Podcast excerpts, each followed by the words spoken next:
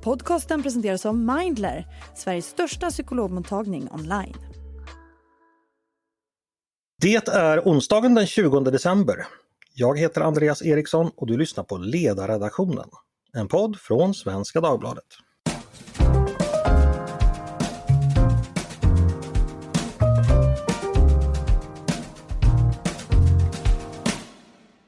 Varmt välkomna tillbaka till oss igen. Ett av de senaste årens viktigaste frågor rör energi och framförallt elförsörjning. Det var ju en av de viktigaste frågorna i valet förra året och regeringen har sedan den tillträdde ofta talat om vikten om att utveckla ny elproduktion i Sverige, framförallt kärnkraft. Det här är också som ni vet en del av Tidöavtalet. En del åtgärder för att åstadkomma detta har man vidtagit. Exempelvis är det numera tillåtet med reaktorer på fler platser i landet. Regeringen utreder också en förenklad tillståndsgivning. Och I november i år presenterade regeringen också det man kallar en färdplan för ny kärnkraft. Och målet för den är som det heter ny kärnkraft med total effekt motsvarande minst två storskaliga reaktorer senast 2005 och sedan en som det heter massiv utbyggnad av ny kärnkraft till 2045. Bakgrunden till det här är förstås elbehovet i Sverige som förväntas fördubblas i samband med klimatomställningen. 2040 ska vi vara helt fossilfria. Men samtidigt har det nog under det senaste året blivit tydligt för många att en kärnkraftsutbyggnad är ett stort politiskt åtagande där det offentliga kommer spela stor roll. Men exakt vilken roll är förstås fortfarande omdiskuterat. I alla fall mitt intryck är att många politiker mer och mer ser staten som en väsentlig eller rent av nödvändig aktör i en eventuell framtida utbyggnad. Och det här tror jag många, liksom jag, har funderat på, så det ska vara ämnet för dagen. Exakt vilken roll är det tänkt att staten ska spela i en utbyggnad av kärnkraften? Ska staten, och därmed vi skattebetalare, rent av stå för finansieringen? Vad behövs mer än pengar från det offentliga för att en utbyggnad ska bli möjlig? Vad krävs för att privata aktörer ska våga satsa på en kärnkraftsutbyggnad? Här finns ju en historia också, så då kan man ju fråga sig hur vi gjorde förra gången när kärnkraften byggdes ut på 1900-talet. Och vad är det som händer i andra länder? Med mig för att beda vidare i de här frågorna så har jag två gäster. Arne Kaiser, professor emeritus i teknikhistoria vid KTH. Varmt välkommen hit Arne! Tack! Och så Urban Andersson, områdesansvarig för kärnkraft på Energiforsk. Varmt välkommen du också Urban! Men tack så mycket! Innan vi börjar Urban, bara kort, Energiforsk, vad är det för någonting? Ja, Energiforsk, vi är ju ett eh, icke vinstdrivande företag som då eh, bedriver eller försöker ordna forskning inom energiområdet. Så att vi ägs ju av eh, energiföretagen och eh, Svenska kraftnät bland annat. Eh, och vi försöker koordinera och hitta bra forskning för företagen och tillsammans då med olika aktörer, akademier, konsulter för att ja, se och utveckla området och mm. göra förutsättningar bättre. Okej, jättebra. Då har vi koll på det. Eh, då tänkte jag att vi ska dra igång dagens samtal. Jag tänkte faktiskt att vi ska börja med historien, för det brukar ge en ganska bra ingång för att förstå nutiden. Sverige var ju ett av de länder som byggde ut kärnkraften på 1900-talet. Som mest stod kraftslaget för hälften av vår elproduktion. Det fanns då 12 reaktorer på fyra platser i landet. Idag återstår sex reaktorer på tre platser och kärnkraften producerar ungefär en tredjedel av vår el. Arne, du har ju historien som ditt område så du ska få börja och då börjar med en väldigt övergripande fråga. Hur gick det till när Sverige blev en så framträdande kärnkraftsnation? När, när, när går startskottet? Var bör vi börja i tiden då så att säga? Ja, ska man ta ett startskott så är det nog bomberna över Hiroshima och Nagasaki som för hela världen, eh, för hela världens politiker också, klargjorde att här fanns en helt ny typ av energiresurs. Så att Sverige, liksom många andra länder, eh, tillsatte eh, ja, på svenskt vis då en utredning för att se vad var detta? Hur ska vi hantera detta? Och eh, den här utredningen kom snart fram till att här behöver vi satsa mycket forskning för att eh, lära oss. Eh, och det fanns två väsentliga skäl. Det ena var att eh, se om vi kunde använda kärnkraft eller kärn, kärntekn, kärn, ja, den nya kärnkunskapen kunskapen om Eh, klyvningar för energiproduktion. Andra världskriget hade visat att vårt energiberoende var väldigt stort. Vi klarade egentligen andra världskriget enbart eh, genom att importera väldigt mycket kol från Tyskland faktiskt och det var inte så, så roligt egentligen. Det ville man undvika att hamna i igen. Och det andra skälet för att eh, ägna sig åt kärnforskning det var att kunna eh, hålla vägen öppen för att kunna utveckla kärnvapen. Så att det var de två grundmotiven från början och de här grundmotiven fanns kvar ända långt in, nästan fram till 1970. Så att det var kombinationen av energi och militära överväganden som motiverade att eh, staten satte igång med ett stort forskningsprogram. Man, man bildade ett bolag som hette Atomenergibolaget som var, ja, eh, där staten var majoritetsägare. Och man byggde en reaktor först på KTH och sen i Studsvik. Så att, och I början på 60-talet var kärnkraftforskningen jättestor. Atomenergibolaget hade 1500 människor anställda. Det var näst FOA den största forskningsorganisationen i Sverige. Så att, eh, ja, och länge så gick kärnkraftforskningen ut på att skapa en, en inhemsk energiresurs. Vi hade, man visste att det fanns mycket uran i Sverige. Tanken var att vi skulle ha en helt oberoende kärnkraftproduktion baserat på svenskt uran. Och länge det förutsatte i princip att man hade så kallade tungvattenreaktorer som inte okay. behövde anrikning. Ja. Så småningom så skiftade detta vid mitten av 60-talet. Då började också kraftindustrin och eh, ASEA se kärnkraften som en framtid och de ville istället ha lättvattenreaktorer för de trodde att det skulle bli eh, ja, mer lönsamt. Bara, bara, jag avbryter bara kort. Det, ja, för det här är viktigt att förstå att det, det hade alltså med beredskapsskäl och självförsörjningsskäl mycket att vi skulle ha risken av exempelvis ett nytt krig med påföljande avspärrning, att vi, vi, skulle kunna producera vår el själva. Och då visste vi att uran hade vi, så en teknik som gjorde uran om till el, det var någonting önskvärt ja. av det skälet så att säga.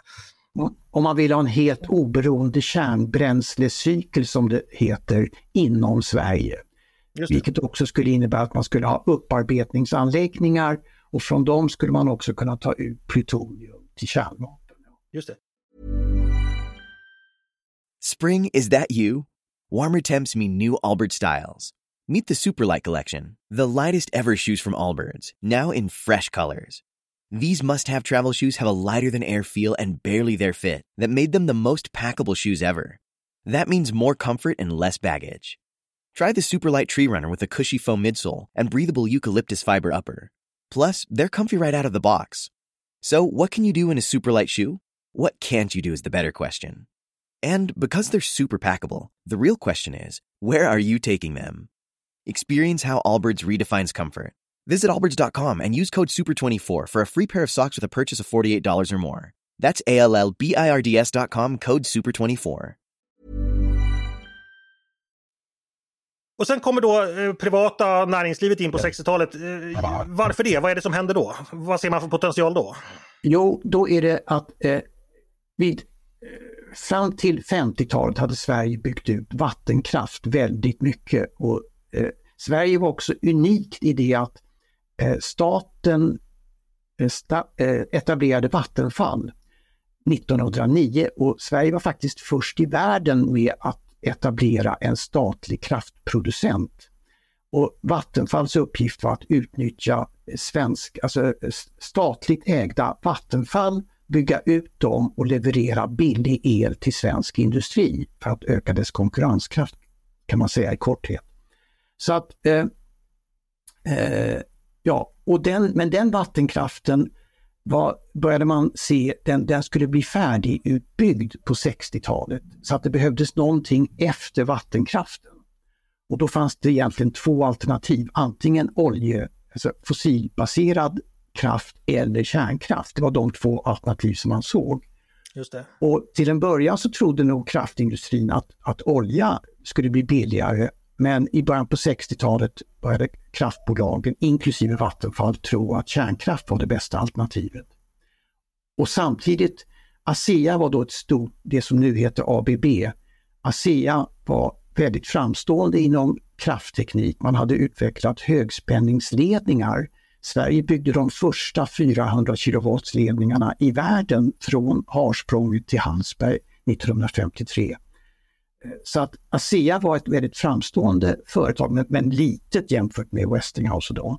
ASEA ville bli en stor kärnkraftproducent. Så att tillsammans, så att det första kommersiella kärnkraftverket i Sverige, det, det, det, eh, det var Oskarshamns kraftgrupp som beställde det. Det var enbart privata kraftbolag i det. Okej. Okay. Så att det var faktiskt den privata industrin tillsammans med ASEA som tog liksom det första viktiga steget med att bygga Oskarshamn 1. Och det togs 1965. När bestämde sig statliga Vattenfall för att det här var ett tåg man skulle haka på så att säga?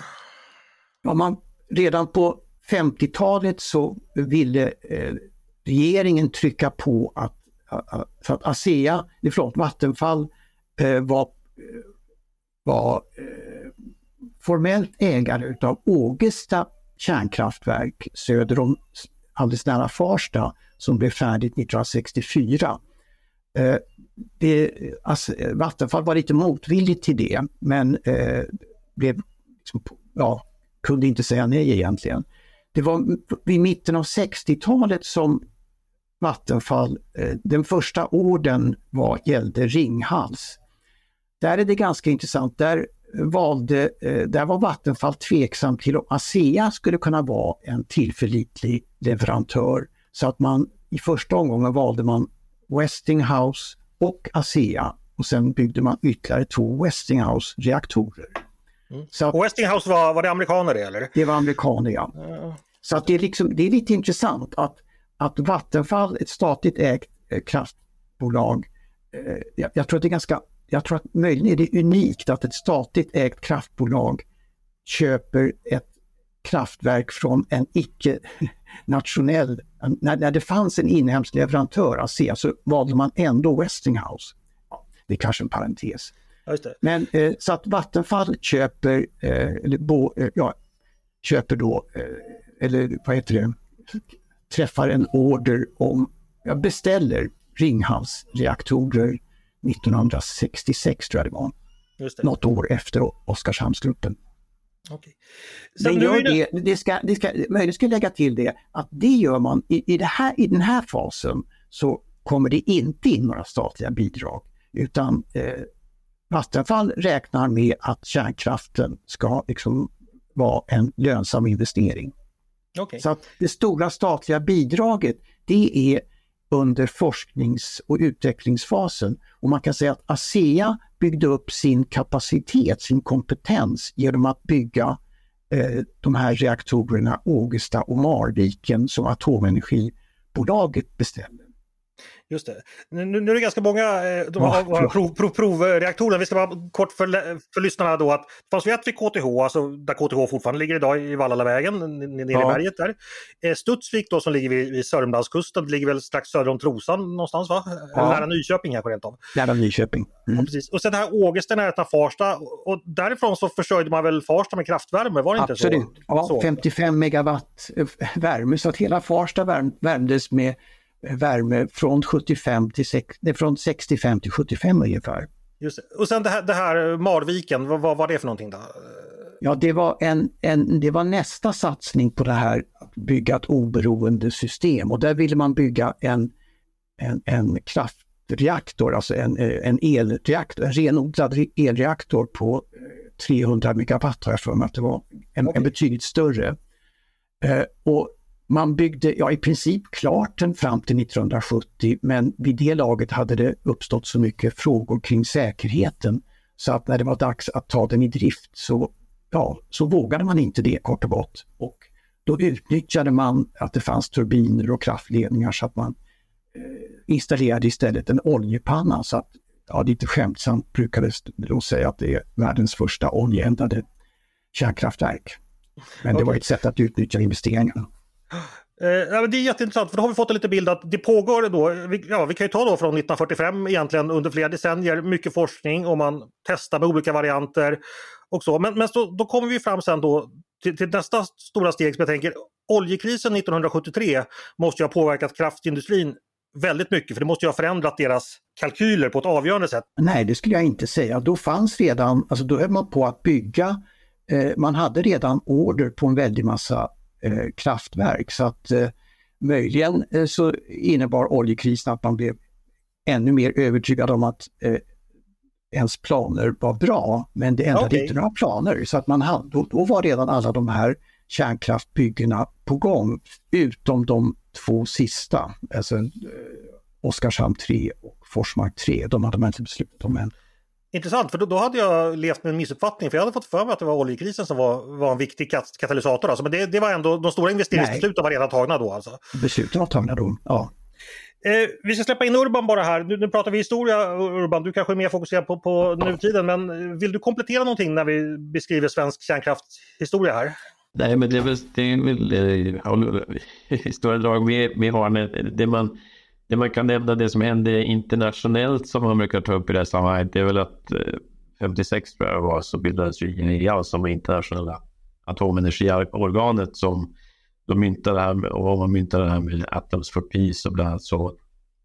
Det var ju också någonting som gjorde att det blev en omsvängning mot, mot de här kommersiella reaktorerna som vi fick sen och att, att det så att säga, blev en nedprioritering i bland Sverige då på det här med att man skulle upparbeta eget uran och man har det här koppling mot plutonium och kärnvapen och sånt där som man försöker komma ifrån då.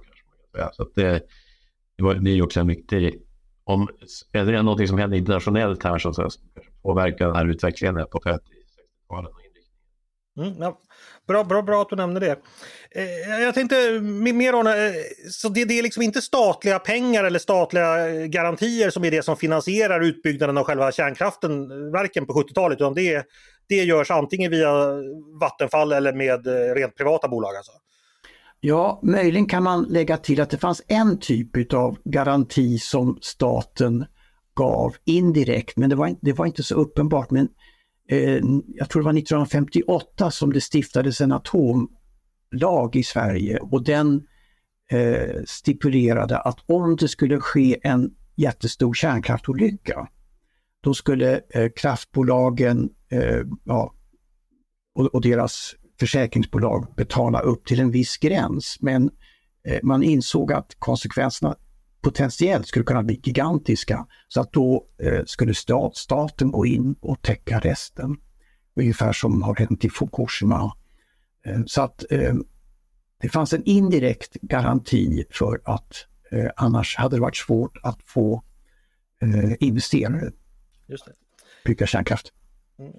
Jag ska säga det till lyssnarna då. I, idag har vi då tre kärnkraftverk kvar i, i drift.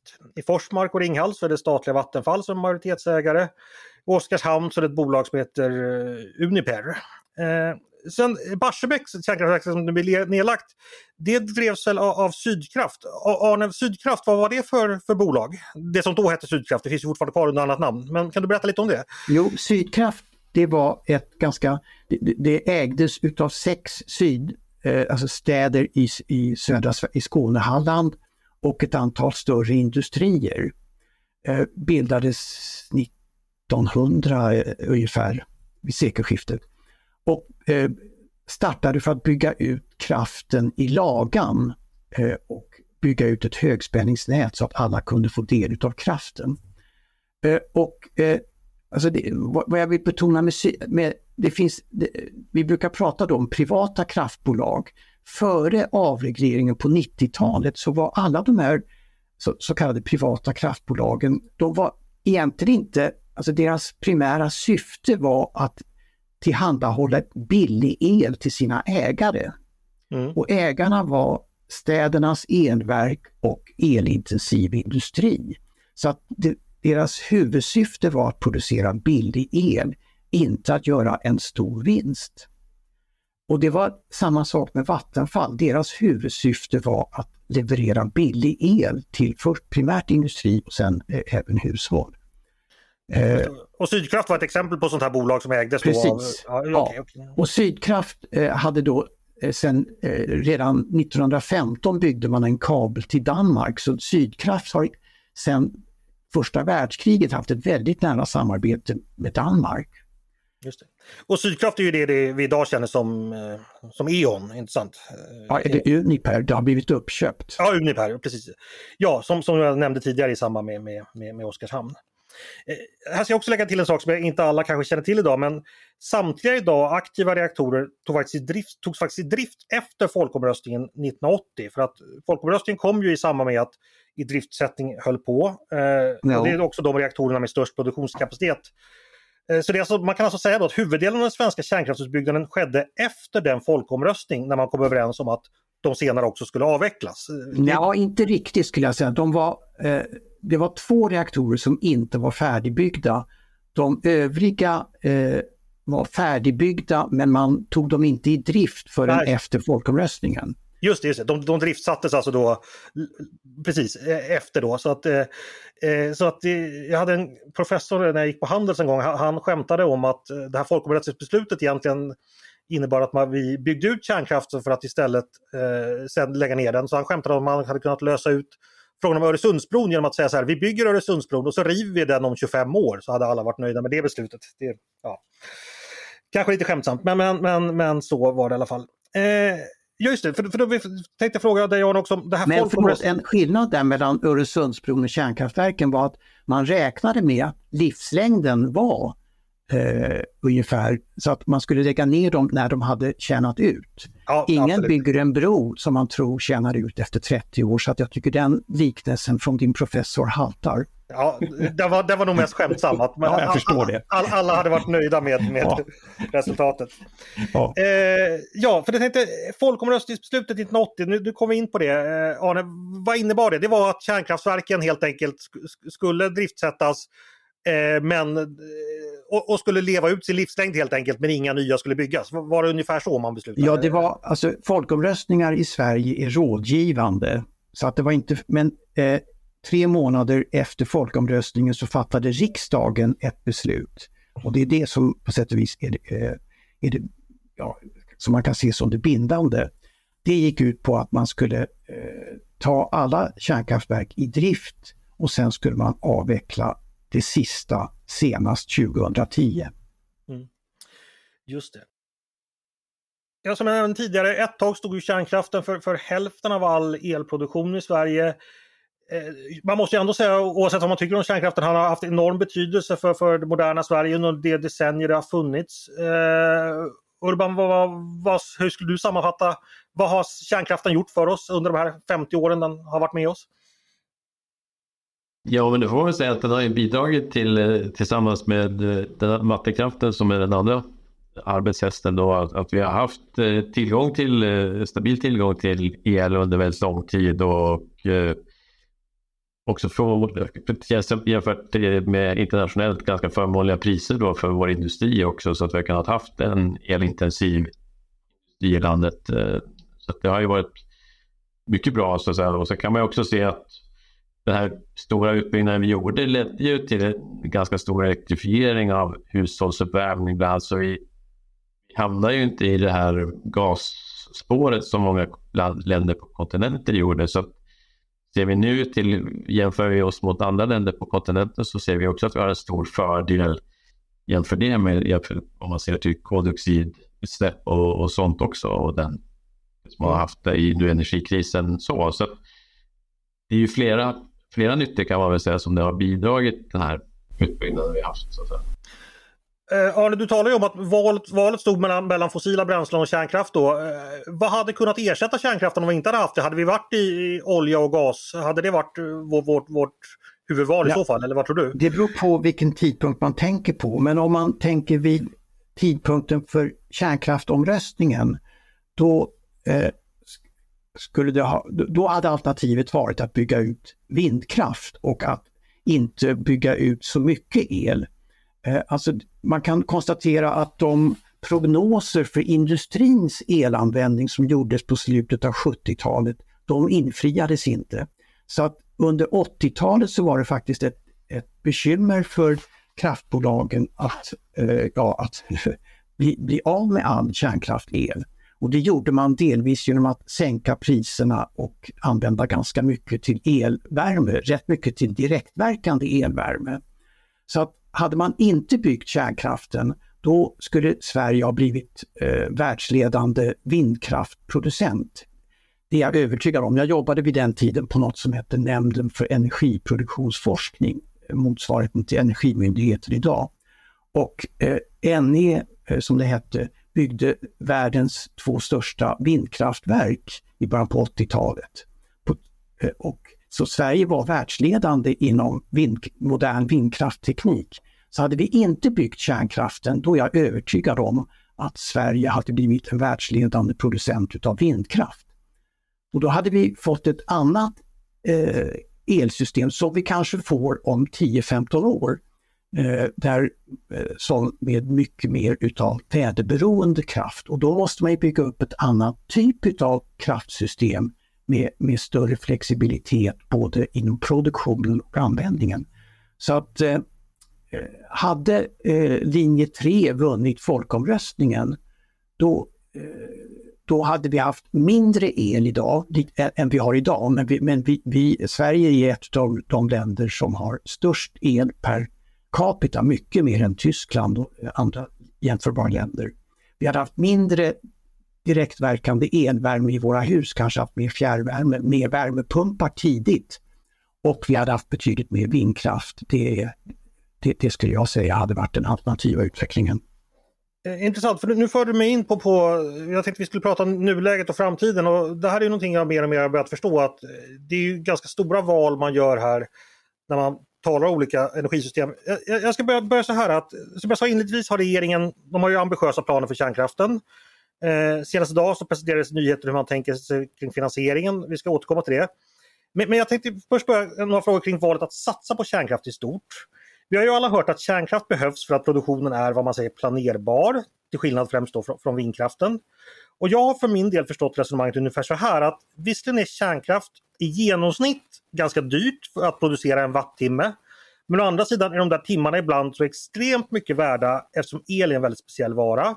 Den kan ju inte lagras. Vi kan heller liksom inte få slut på el. Vi kan inte få slut på el i ledningarna. Det, det, det, det, så att säga, det vill man inte. Alltså behövs kärnkraftssystemet och system, och, vilket innebär att kärnkraften då inom citattecken förtjänar att få mer betalt för sin el just för att den är så stabil. Nu använder jag ett mycket förenklat resonemang och jag är inte naturvetare själv men Urban, har jag uppfattat ungefär rätt när jag säger så? Eller vill du rätta mig? Ja, men ja, om vi säger så, det, det, är väl en bra sammanfattning av, av, av, av, av hur man brukar beskriva det. så. Sen, sen är det ju så beroende på att man speciellt beroende på om vi ser nu det här behovet vi ser att vi ska elektrifiera övriga industri trans, och transportsektorn. Då har vi, då har vi ett väldigt stort behov. Och det här kan vara det finns ju en bred mängd, alltså det är väldigt många möjliga scenarier och, och så. Det vi vet, man kan anta, det är väl att, att kärnkraft skulle kunna vara bra ur, ur just de här, som du säger, stabilitetssynpunkt och att, att, så att, säga, att, att det ska kunna utgöra en, en större, stor andel. Men även ur hållbarhetsaspekter att man tittar, det kom en nyligen rapport från eh, SGU som visade på att eh, det kommer att gå åt mindre, mindre resurser om man har en större andel kärnkraft i systemet till exempel. så. Men, men sen finns det ju andra, jag menar, ju mer, eh, ju mer vind vi stoppar in i systemet, ju mindre, desto mer andra lösningar som, som Arne var inne på behöver man ju också. Det finns ju andra, andra sätt att hantera det på som kommer med, med, med både med flexibilitet och andra stabilitetstjänster. Men, men vi tror ju att, eh, som vi brukar säga, ju att alla de här fossila energislagen behövs. Så. Mm. Den här och att vi behöver ha en bra mix eh, framöver. Just det. För det, för det är en annan fråga. Urban, får jag säga där, alltså, eh, man fram, det, det framställs ofta som att kärnkraft är absolut nödvändig i den politiska debatten. Men eh, Svenska kraftnät, Energiforsk, Energimyndigheten har ju också tittat på scenarier där man faktiskt avvecklar kärnkraften och inte bygger, alltså där man försöker vidmakthålla kärnkraften som finns men inte bygger ny. Då måste man delvis bygga upp ett annat eh, stamnät och kraftnät. Eh, så att vad, vad, jag tycker nog att det är ganska tveksamt att det är regeringen och politikerna som, gör, som vill göra det här teknikvalet. Jag tycker nog att det rimliga vore att eh, politikerna säger vi är teknikneutrala, vi låter marknaden avgöra om vindkraft eller kärnkraft är, är det bästa. Eh, och att man möjligen kan ge liksom, teknikneutrala garantier eh, för utbyggnad utav el.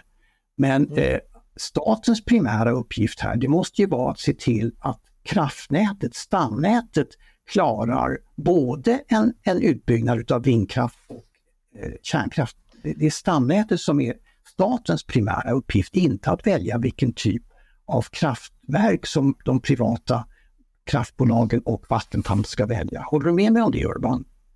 Ja, men det var lite det jag försökte, jag såg egentligen från eh, eh, Anders fråga var det. Alltså den är ju, då kommer man in på den här politiseringen som vi har idag med, med att man säger att det ska vara det, andra, det ena eller det andra kraftslaget. Eh, så. Eh, och det tror jag inte heller är och kanske inte är den bästa långsiktiga lösningen så. Eh, sen är det väl när man pratar om de här möjligheterna så det är ju så att visst, det finns, finns, ju, finns ju möjligheter både med ett energisystem med och utan kärnkraft. Så. Sen, mm. sen kan man ju diskutera vilka saker man vill prioritera. Det kanske vi kommer lite längre fram. Och det, det är ju där man, man ser vi för behov av, av, av stöd, statens stöd eller egentligen vad, vad är det man behöver göra från samhället. Då. Och då, då är det väl, det är väl en, en bra poäng där men att, att vi egentligen att en teknikneutralitet är ju någonting man, man säga att man strävar efter. Så, och då tänker jag, vilken, vad är det där, i den men vad innebär den teknikneutraliteten? Innebär det att det alltid ska vara samma förutsättningar eller betyder det att man ska ha olika? Om, om kraftslagen har lite olika möjligheter så kanske det också innebär lite olika stödmöjligheter. Så, så det är en... men, men jag tänker ju så här att anledningen till att det blir en politisk fråga det är ju att som redan antytts här så häng, finns det ju flera pusselbitar som hänger ihop här. Att om, man har väl, om vissa kraftslag behöver andra distributionssystem och, och stamnät och så vidare. Det kanske kräver andra lösningar, att man exempelvis satsar på lagring av olika slag. Alltså att, och gemensamt, alla de här pusselbitarna kommer ju liksom skapa olika förutsättningar för näringslivet, olika förutsättningar för konsumenterna och därmed olika samhällen helt enkelt. Och därmed blir den politisk fråga så tillvida att vi gör samtidigt när vi väljer vilket mm. energisystem vi ska ha så väljer vi lite vilket samhälle vi vill ha. Och det är precis det som politikerna finns till för. Det, det, det är kanske därför det har blivit en politisk fråga även fast ni då som, som fackmän kanske inte skulle önska sig det. Men, men det är så jag tänker. Förstår ni vad jag menar? Jo, men det tänker jag också. Och, och, och jag, jag tänker ju så här, men bland annat då, om man, att en bit här är ju, alltså det som en, en viktig roll hos staten och med dess myndigheter är väl att bidra med både planering och, eh, och strategi på något sätt. Alltså vad är målbilden? Och då kanske man ska komma ifrån det här med om det ska byggas tio kärnkraftverk eller inte, utan det är egentligen varför har vi ett, vad, är huvudnät, vad är huvudsyftet med, med el? Vad vill vi ha? Vill vi ha stabil tillgång till vad vill vi ha för robusthet och sådana saker. Att, att sätta upp den typen av kriterier snarare kanske politiskt än att hålla på och fundera på exakt vem som ska bygga vad och, och försöka styra det i allt för stor utsträckning. Utan just det här att både visa på vad, vad vill vi ha för det och sen just den här, den här planeringen nu med den här omställningen som vi ser fram med elektrifieringen och det stora behovet. Att också så här, förmedla den, för den tycker jag är en utmaning idag när det gäller de här stora investeringarna. Att vi bygger någonting nu som vi tror på, som vi kanske som vi ser i de här prognoserna behövs till 2040. Men vi har egentligen inte som det motsvarande på som den där historiken på 60-70-talet såg vi ändå ett tydligare behov av den här energin.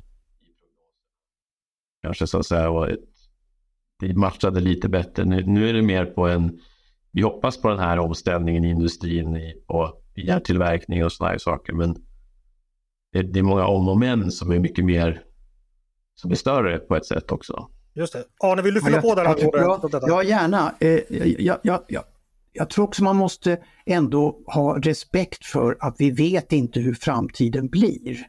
Eh, och jag, det finns en rätt stor osäkerhet om hur mycket el vi behöver. Eh, alltså, eh, för att elektrifiera transportsektorn. Behövs det egentligen inte särskilt mycket mer el, kanske 40 terawattimmar eller något sånt där. Men de riktigt stora elbehoven eh, som finns i scenarierna det är uppe i norra Norrland. Bara LKAB eh, räknar med att år 2050 använda 70 terawattimmar el per år. Alltså det är hälften av vad vi gör eh, använder idag i hela Sverige i en anläggning. Tänk om den blir fördröjd, om, om det blir något, om eh, kineserna hittar på ett sätt att framställa stål och ta hand om eh, exempelvis med kol men ändå eh, deponera kolet eller koldioxiden i marken och säga att vi har också fossilfritt stål, det är mycket billigare. Ja, men det kan hända sådana saker. Jag tycker, jag tycker absolut vi ska ha höga ambitioner att, att industrin ska bli fossilfri. Men det finns osäkerheter här så att man, må, man måste tänka i olika tidsperspektiv. Och om man tänker i ett tioårsperspektiv så måste definitivt elsystemet byggas ut eh, för att elektrifiera transportsektorn, för att börja en elektrifiering av industrin. Och det enda alternativet som finns på det, i det tidsperspektivet det är vindkraft eh, till, eh, till, på land och, och till havs. Och för att göra den satsningen så måste ju också stamnätet byggas ut. Så det måste göras hur som helst. Sen kan man försöka hålla öppet för vad vi ska göra efter 2035. Och, och då kan man eh, ja, också försöka hålla öppet för att kunna bygga kärnkraft. Eh, men eh, man kommer inte ifrån, alltså under de kommande tio åren, så, så, och för att kunna bygga ut vindkraft, då, då tror jag det är helt nödvändigt att man ändrar lagstiftningen vad gäller ersättning till de kommuner så, där vindkraft byggs. Så man måste hitta på en mekanism så att kommunerna får en rejäl del av intäkterna. Just det. Och det har, det har liksom regeringen bromsat. Ja, eh, absolut, det, var... det, det är det viktiga aspekten. Dagens ämne var bara statens roll i kärnkraft, en eventuell kärnkraftsutbyggnad. Så vi ska bara försöka med den begränsade tid vi har hålla oss till det. Men, men vi har, vi har med vindkraften såklart i huvudet. Eh, jag tänkte bara Eh, höra med dig Urban, eh, när det gäller just statens roll. Jag tänkte då börja med när det gäller lagar och regelverk och tillståndsprocesser. Vad behöver göras från offentligt håll där för att en kärnkraftsutbyggnad skulle bli realistisk eller till och med trolig? Går det att sammanfatta? Jo, jag tror att man, där har vi ju börjat med, med, med, väldigt, med en hel del viktiga de här med basala hinder som att vi har haft så att vi bara kunnat bygga på vissa platser och ett antal reaktorer då, som har varit begränsande både när det gäller vilka som kan, kan bygga och i vilka just mer begränsat de här nya teknologierna med små modulära reaktorer också. Då. Det, det är ju bra och de, de så att säga, som du liknade med har vi tagit bort eh, de hindren och att även om man har börjat titta på det här hur man ska förenkla tillståndsprocessen och alltså att göra det lättare att kunna göra någon slags förprövning och sånt där är ju väldigt bra. Tror jag att man jobbar framtungt i en sån här process så att man kan pröva saker eh, tidigt och, och, se om man är på rätt spår och tänker rätt. Eh, så. Eh, sen tänker ju vi att det kommer ju bli mer och mer och speciellt om vi dessutom både har det här spåret med att man vill bygga storskaligt och, och även om det är små modulära så kommer det ju på titta på nivån på föreskrifter och när det gäller teknik, ju mer tekniskt det blir så, att säga, så kommer det ju, där kommer det ju behövas en, en fortsatt utveckling för att eh, föreskrifter och eh, krav går hand i hand med teknikutvecklingen. Så om, om, man ska, om man ska hålla den här ambitiösa tidplanen så där, där man, om man vill att kärnkraften ska vara en, kunna vara en bidragande faktor i den här omställningen. Mm. Okej. Eh, nästa fråga, det gällde det här med, med kunskapen och, och, forskning. Som Arne berättade så var ju statens stora bidrag eh, på 1900-talet, det var ju att man forskade väldigt mycket kring det här. Hur ser det där ut idag egentligen? Hur mycket kompetens har vi inom landet och hur många hur mycket kunnigt folk helt enkelt finns det? Hur mycket behövs det och vilken roll har staten där med, med att ägna sig åt forskning och utbildning? Går det att säga någonting om det? Alltså, nej, det skulle jag... Ja, eller ja, det. Ja, alltså, ja, alltså eh, det byggdes upp en enorm kompetens på eh, 60-70-talet. Det fanns också, alltså, man kanske ska skilja på två typer av kompetens. Alltså dels mer direkt kärnkraftteknisk kompetens. Men en annan handlar ju också om att driva sådana här kraftverksbyggen, alltså megaprojekt. Alltså man kan jämföra det med ja, den här Öresundsbron. Alltså att driva den typen av projekt. Hela den generation som byggde de tidigare kärnkraftverken, de, de, de har ju gått i pension eller har, har, gått bort. Så att den måste byggas upp på nytt. Och eh, på 50-60-talet, liksom, då var ju kärnkraft, alltså alla som gick på teknisk fysik på, på KTH, de, ja inte alla, men, men liksom, det var ju väldigt attraktivt att hålla på med, med kärnkraft. Så har det inte varit under de senaste 20-30 åren när eh, man trodde att kärnkraften skulle avvecklas. Så det gäller ju också att bygga upp på nytt då eh, kompetens, intresse för kärnkraft. Och den behövs ju oavsett om man bygger ut kärnkraft eller inte för att, att vidmakthålla driften utav de sex reaktorer som blir äldre och äldre längre än några reaktorer i världen har drivit. Alltså bara det är en jätteutmaning, eller hur Urban? Att driva, som man nu vill säga, 60-80 år eh, de reaktorer som finns. Hur, ja, vad innebär eh, försprödning av olika centrala komponenter, att kontrollera det och att ha också kompetens inom strålsäkerhetsmyndigheter och andra så att man verkligen är säker på att man bygger kärnkraftverken säkert. Så att det är en jätteutmaning tror jag med att bygga upp både kärnkraftteknisk kompetens och att återigen skapa kompetensen att driva den här typen av megaprojekt. Ja, vad säger du Urban? Alltså hela kompetensperspektivet här som, som Arne beskriver, att det finns flera olika aspekter av den.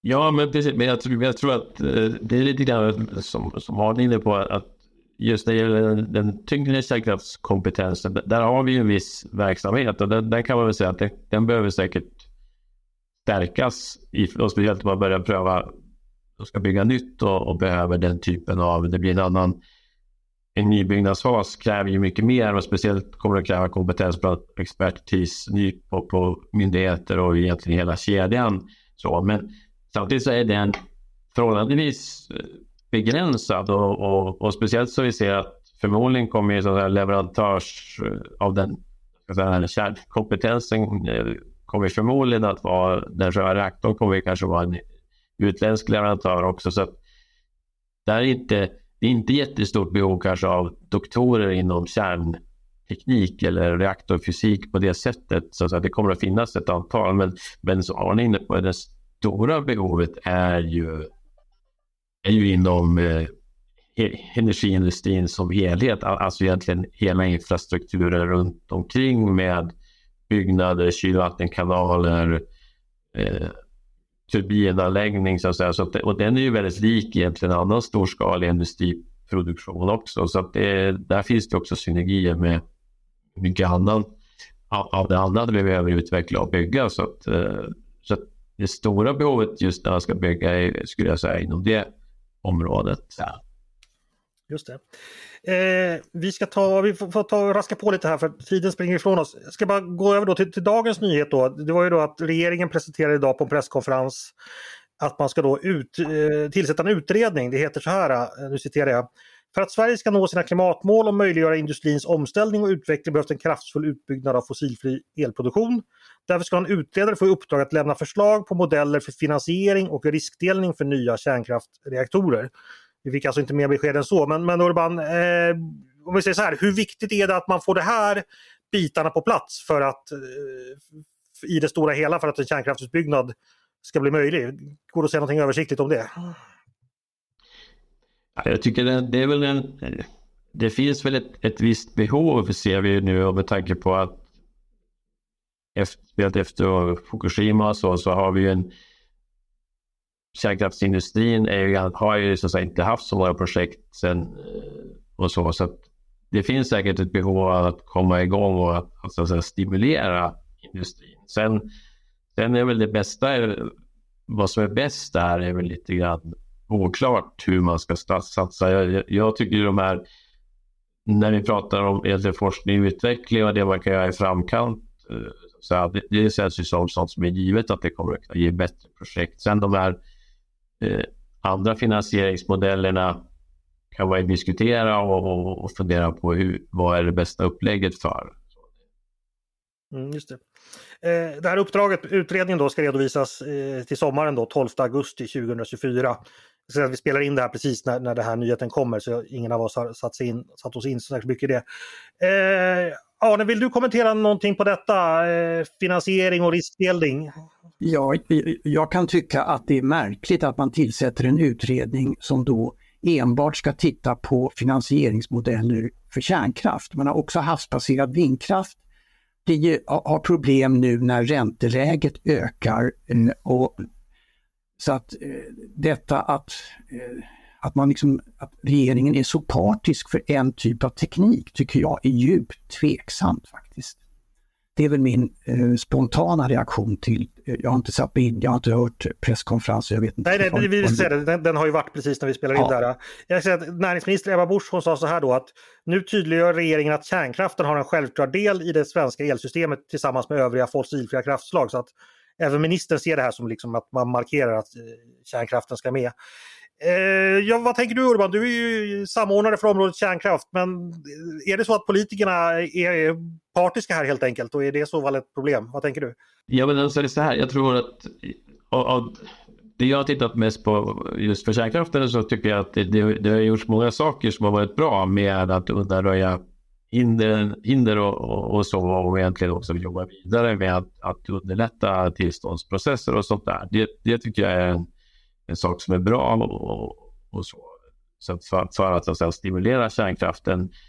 Eh, sen är det ju lite mer och sen tror jag att rätt generellt, alltså någon typ av om man tittar internationellt och, och även så sen när man fick igång utbyggnaden av, av kraft i Sverige och så, alltså just någon typ av program och någon typ av stimulans, det, det kan man ju tycka att det är vettigt. Men samtidigt så ser vi ju det rent eh, generellt nu i det här krisläget vi har, att just det här med att det är dyrt att investera i kärnkraft, det, det drabbar ju även, alltså egentligen det här läget drabbar ju även, även till exempel vatten, havsbaserad vindkraft. Så att eh, den här ekonomiska krisen har ju slagit mot energiutvecklingen och utbyggnaden som, som på helhet. Så, att så att det, är, det är inte bara att göra det bättre för, för det ena kraftslaget för att det ska komma ikapp så att säga. Just det. Om man ser utifrån eh, kris, ekonomiska kris. Just det. Eh, vi ska ta och sy ihop det här för jag vet att du Urban behöver vidare till ett möte. Eh, jag tänkte bara höra eh, om vi ska knyta ihop det. Eh, Arne, vad säger du? Dagens tema var ju då statens roll i, i kärnkraftsutbyggnaden då och nu ungefär. Vad, vad tänker du att det är viktigt att, att, ta med sig just kring den frågan för lyssnarna? Vad, vad gjorde staten då och är det realistiskt att staten, vilken roll skulle man kunna ha i en framtida utbyggnad? Eh, vad tänker du? det staten gjorde då, det var att bygga upp en kunskap och kompetens på ett helt nytt en, eh, teknikområde med stor potential för Sverige, både liksom civilt och militärt. Att man gjorde den satsningen då tycker jag är, är fullt begripligt. Eh, att eh, staten idag ska liksom ta ensidig ställning för ett kraftslag. Jag tycker att statens uppgift är att försöka garantera att vi behöver den el vi kommer att behöva. Eh, liksom hålla öppet för osäkerheten om hur mycket el vi har och att göra det på eh, ja, effektivast och säkraste sätt. Och alltså, om man, så att eh, jag tycker det här ensidiga ställningstagandet för kärnkraft är djupt problematiskt. Och det, jag tycker det blir ännu mer problematiskt om man ser på utvecklingen i andra länder. Alltså, den internationella kärnkraftindustrin är i djup kris. De enda som verkligen bygger det är Ryssland och Kina. Och liksom de har en helt annan, eh, det är en helt annan typ av samhällen. Så att, alltså, jag är väldigt tveksam till att kärnkraften överhuvudtaget kommer att bli lönsam. De små modulära reaktorerna, de finns inte. Det, alltså det, det, det är, eh, det, det, är en långt ifrån utvecklad teknik som förutsätter att man bygger i långa serier för att det ska kunna bli lönsamt och det förutsätter att många länder enas om en typ av SMR. Nu, just nu finns det hur många projekt som helst. Jag tror det finns 50 olika projekt i olika länder. Eh, liksom, ska alla enas om den franska eller om den kinesiska eller om den eh, Westinghouse? Ja, det, det förutsätter att det ska bli lönsamt. Så, att, så att jag är väldigt tveksam till att ny kärnkraft faktiskt blir lönsam.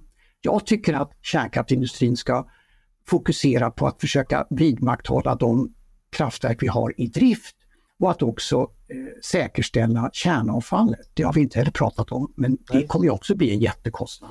Mm. Och det eh, tycker, där, där tycker jag också staten har en jätteviktig uppgift att se till att man tar hand om kärnavfallet. Ja. Eh, Urban, eh, motsvarande slutord från dig. Hur tänker du om vi sammanfattar statens roll? Vi har varit inne på mycket, men vad tycker du är viktigast att lyssnarna har med sig?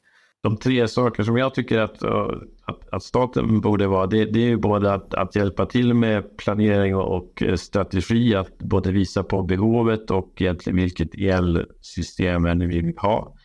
Eh, att jobba vidare med reglering och lagstiftning, att underlätta hinder och att ta bort både göra det onödigt komplicerat utan se till att det är enkelt och ändamålsenligt så att säga, för, för, för det behovet man och de, den typen av anläggning man ska pröva. Och att man stimulerar forskning och utveckling och att, eh, att, så att, säga, att det finns kompetens i området för den, den energi vi behöver bygga ut. Stort tack för det! Eh, och därmed är det dags att säga stort tack eh, både till Arne Kajsar och Urban Andersson för att ni gästade mig idag. Tack så mycket! Tack så mycket! Tack ska du ha!